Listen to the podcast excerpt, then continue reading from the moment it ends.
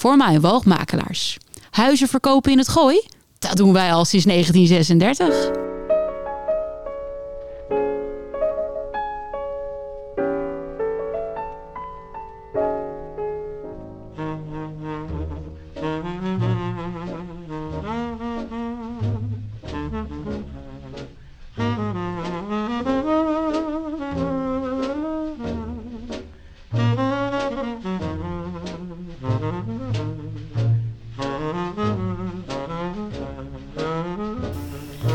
Goedemorgen. Welkom bij Praatvogels, aflevering 47.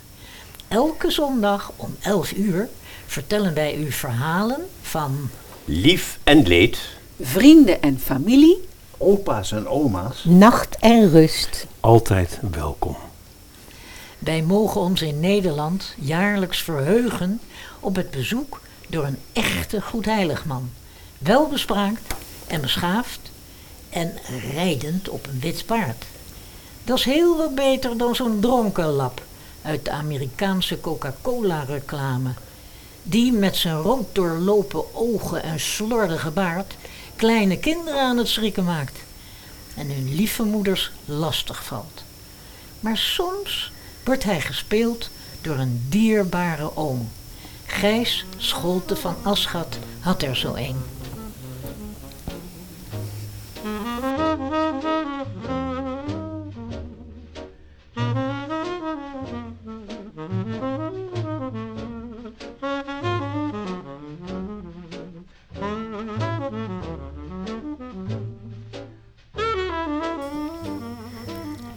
Aan kerst deden wij thuis wel, maar niet aan kerstcadeaus. Natuurlijk hadden we een echte kerstboom, lekker eten en kerstverhalen, maar het ware feest was toch Sinterklaas. De kerstman, zoals je die nu veel ziet in reclames en films, was meer iets Anglo-Saxisch of zelfs Amerikaans. Groot was dus onze verbazing toen wij, mijn broer, zus en ik, op kerstochtend in pyjama aan de ontbijttafel verschenen en daar een half aangeklede kerstman aantroffen. Met een enorm verband om zijn hoofd en bloedkorsten onder zijn neus. En zeker omdat het niet de echte kerstman was, maar oom Louis. Oom Louis kwam altijd onverwas. Hij was er ineens en hij was ook ineens weer weg. Hij kwam meestal als wij kinderen al sliepen. Hij was geen echte oom hoor, maar een soort van achterneef van mijn moeder. Louis, mijn achterneef, is dokter, huisarts. Zijn eigen artsenpraktijken zijn geen lang leven beschoren. Hij is meestal ergens plaatsvervangend arts, waarnemer. Aanstichter past eigenlijk beter bij hem, want er gebeurt altijd iets als oom Louis opduikt. Zijn leven is een aaneenschakeling van rampen en, en, en ongelofelijke gebeurtenissen. Als hij sprak, wapperde hij met zijn handen. En dan had je het gevoel dat je je in het centrum van het universum bevond. Ach ja, ik, ik maak altijd auto-ongelukken bij de vlees. Ja, weet je, ik rijd net zo gesticulerend als ik spreek. Ik heb huizen laten afbranden, uitbranden. En ik kreeg het zelfs voor elkaar om mijn fiets te laten afbranden. Toen ik die tegen een huis had geparkeerd. Ja, kijk, uit de muur op enkel hoogte stak een pijpje uit te geven waar hete lucht uitkwam. Mijn fietstas kwam er tegenaan. Daar zaten twee flessen eten in, ja.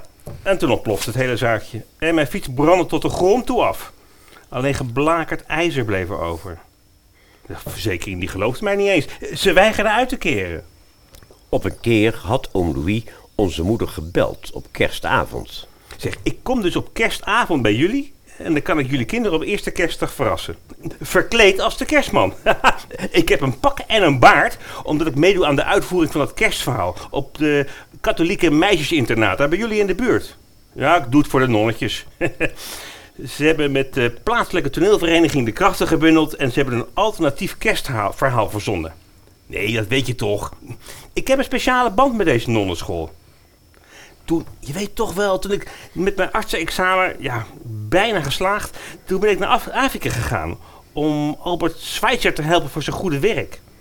Ja, sindsdien ben ik in de ogen van veel katholieken een weldoener. Bij dat soort instellingen kan ik dus altijd artsenwerk verrichten. Omdat we nooit wisten wanneer oom Louis binnen zou vallen, had hij van mijn moeder een huissleutel gekregen. Er was altijd wel plek voor hem in, onze, in ons grote huis. Ja, ik denk dat we wel acht slaapkamers en 28 vaste kasten in ons huis hebben. Ja, dat klopte. We woonden in een oud 19e-eeuws herenhuis, boven de bank waarvan mijn vader directeur was. Filiaalhouder zouden ze nu zeggen, maar voor ons kinderen was hij de directeur. Het was ook niet ons huis hoor, maar van de bank. Het hele pand werd op olie gestookt en in de kelder stond een reusachtige gietijzeren verwarmingsketel die in mijn ogen zo groot was als een locomotief. Om de zoveel tijd kwam er een immense tankwagen langsrijden en dan ging er een slang de kelder in om het ijzeren monster van brandstof te voorzien. Nog dagen rook het dan overal in huis naar stookolie. Die avond had mijn moeder op oom Louis gewacht. Het is al tegen ene. Hij is er nog steeds niet. Ja, ik ga nu toch echt naar bed. Ik, weet je, ik, ik laat wel een briefje voor Louis achter op de trap. Waarop dan vermeld staat dat in, in welke kamer hij dan kan slapen. Die nacht kwam oom Louis rond twee uur het huis binnensluipen. Aangeschoten. En in zijn kerstmannenpak. Oh nee, Eh, heb ik mijn tas met kleren in het klooster laten liggen. Ja, daarna was het na de voorstelling nog erg gezellig geworden. Wat er op die avond precies is gebeurd, voor hij bij ons aankwam, zal ik bij een andere gelegenheid wel eens vertellen, want dat verdient echt een eigen verhaal. Waar zal ik slapen? Ik neem wel de grote logeerkamer. Eerst maar zachtjes naar de bovenste verdieping. Met de gastenkamer sluipen. Kleed me wel uit in de badkamer. En dan kruip ik in het hemelbed. Oom Louis zag het briefje van mijn moeder over het hoofd en sloop wankel naar boven naar het hemelbed van heer oom Hans. Oom Hans, een andere ongetrouwde oom van mijn moeder, was van de herenliefde. Mijn moeder had hem altijd bezocht en hem geholpen met allerlei zaken, wat na zijn dood resulteerde in een erfenis. Het hemelbed maakte daar deel van uit. Zo, heerlijk. In dit grote bed kruipen.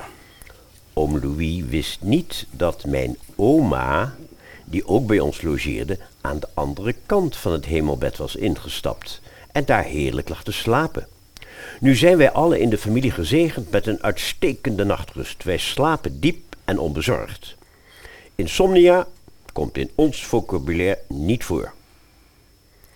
Midden in de nacht draaide oom Louis zich om en half slapend voelde hij een lijf in bed.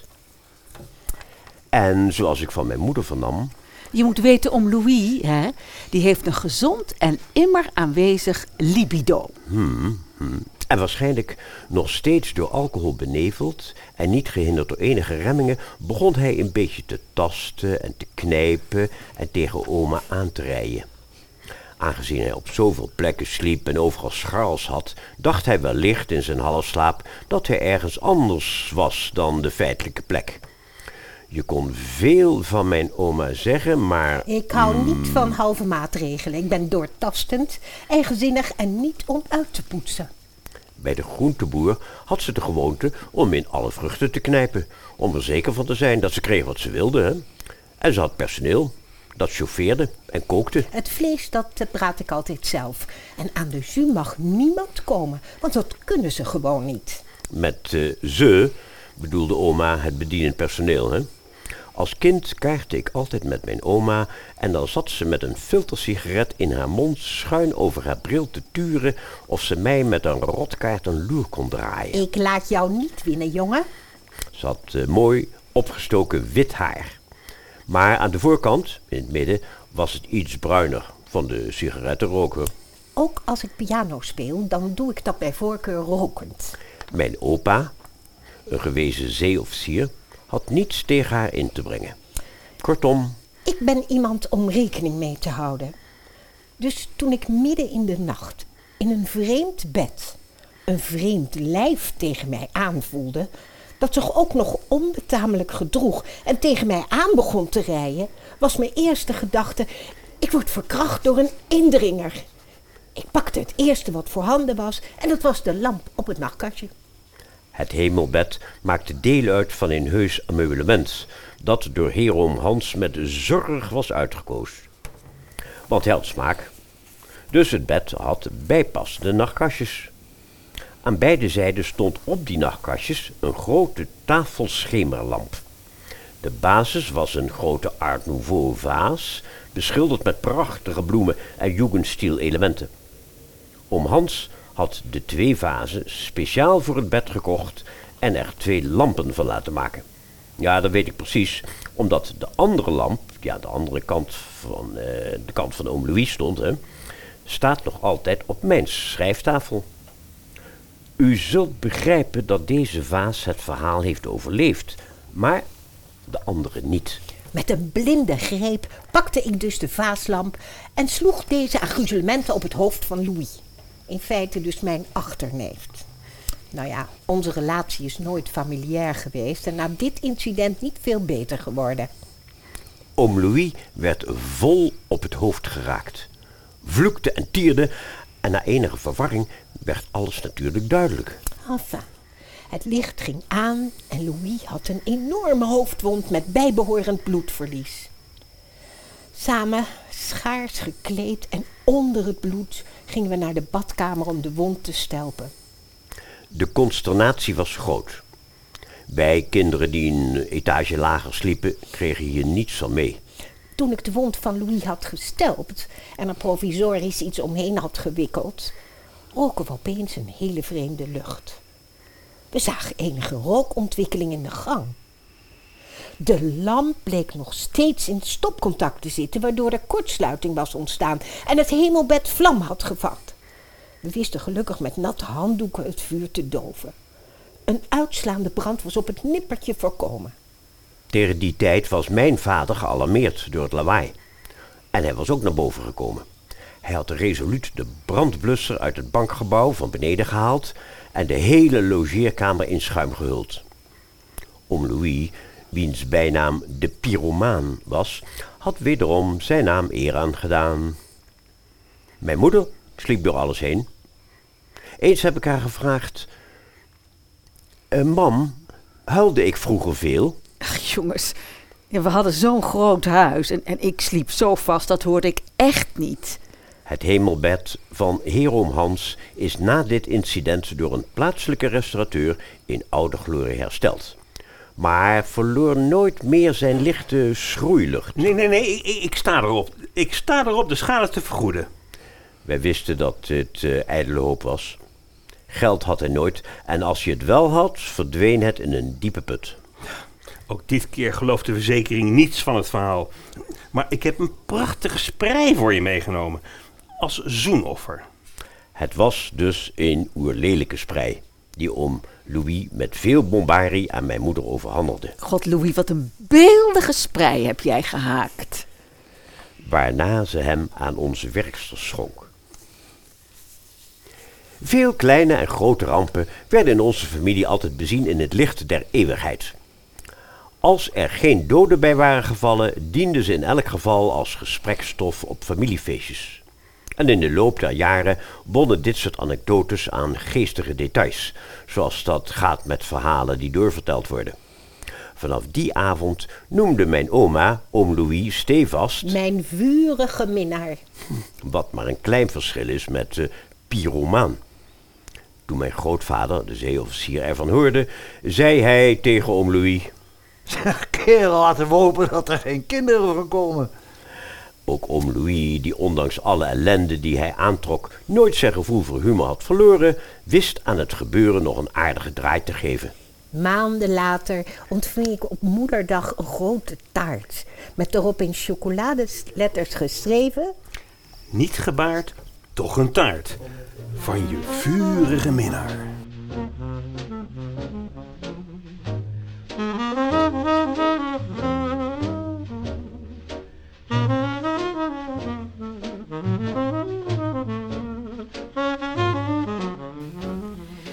Dit was aflevering 47. Vandaag hoorde u de praatvogels Michiel van Zeggelen, Wiebe van Dijk, Corien van der Walbaken, Dolfijn van Hedel en Simon de Ruiter. Mijn naam is Hansje Terlingen. Tot volgende week zondag om 11 uur. Wij vertellen u dan een sprookje over Sneeuwwitje en het volleybalteam. U kunt de praatvogels ook afluisteren op elk ander moment via Spotify De Praatvogels of via de podcast van dorpsradio.nl.